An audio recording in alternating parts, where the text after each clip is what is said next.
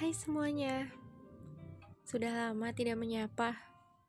Mungkin beberapa sudah lupa, beberapa hanya singgah, atau bahkan ada yang tetap menunggu dengan setia. Terima kasih untuk siapa pun yang sedang mendengar ini. Itu berarti kamu masih hidup dengan baik. Seperti yang kita semua ketahui, beberapa bulan belakangan ini cukup berat dilalui. Entah berapa banyak kesedihan yang tumpah di tahun ini. Gak apa-apa, sisa bulan di tahun ini tetap harus dilalui dengan lapang hati. Gimana? Masih diem di rumah? Atau tetap beraktivitas seperti biasanya? Bertemu teman, saudara, pacar, atau bahkan masih mengunjungi pusat perbelanjaan.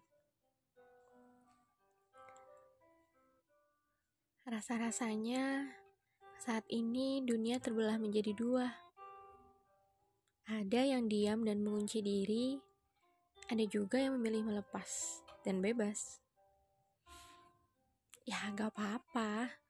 Hidup itu pilihan. Dan kita selalu diberi kesempatan untuk memilih.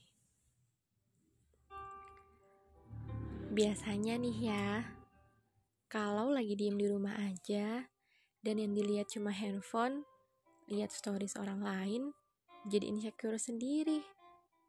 Iya nggak? Kayak berasa paling nggak produktif di dunia. Kalau iri dengan hidup orang lain, coba dibiasakan jangan dicari kurangnya tapi lihat bagaimana cara dia berproses menujunya. Yang belum dilakukan, coba dilakukan. Jangan hanya mencari kesalahan dan kekurangan. Hidup orang lain memang selalu terlihat lebih mudah. Udahan dulu ya insecure-nya. Capek kali setiap malam overthinking terus. Jalani aja hidup yang seperti biasanya. Produktif boleh, tapi jangan lupa me time itu perlu. Kalau capek, sesekali nafas dulu. Istirahat, baru lanjut lagi.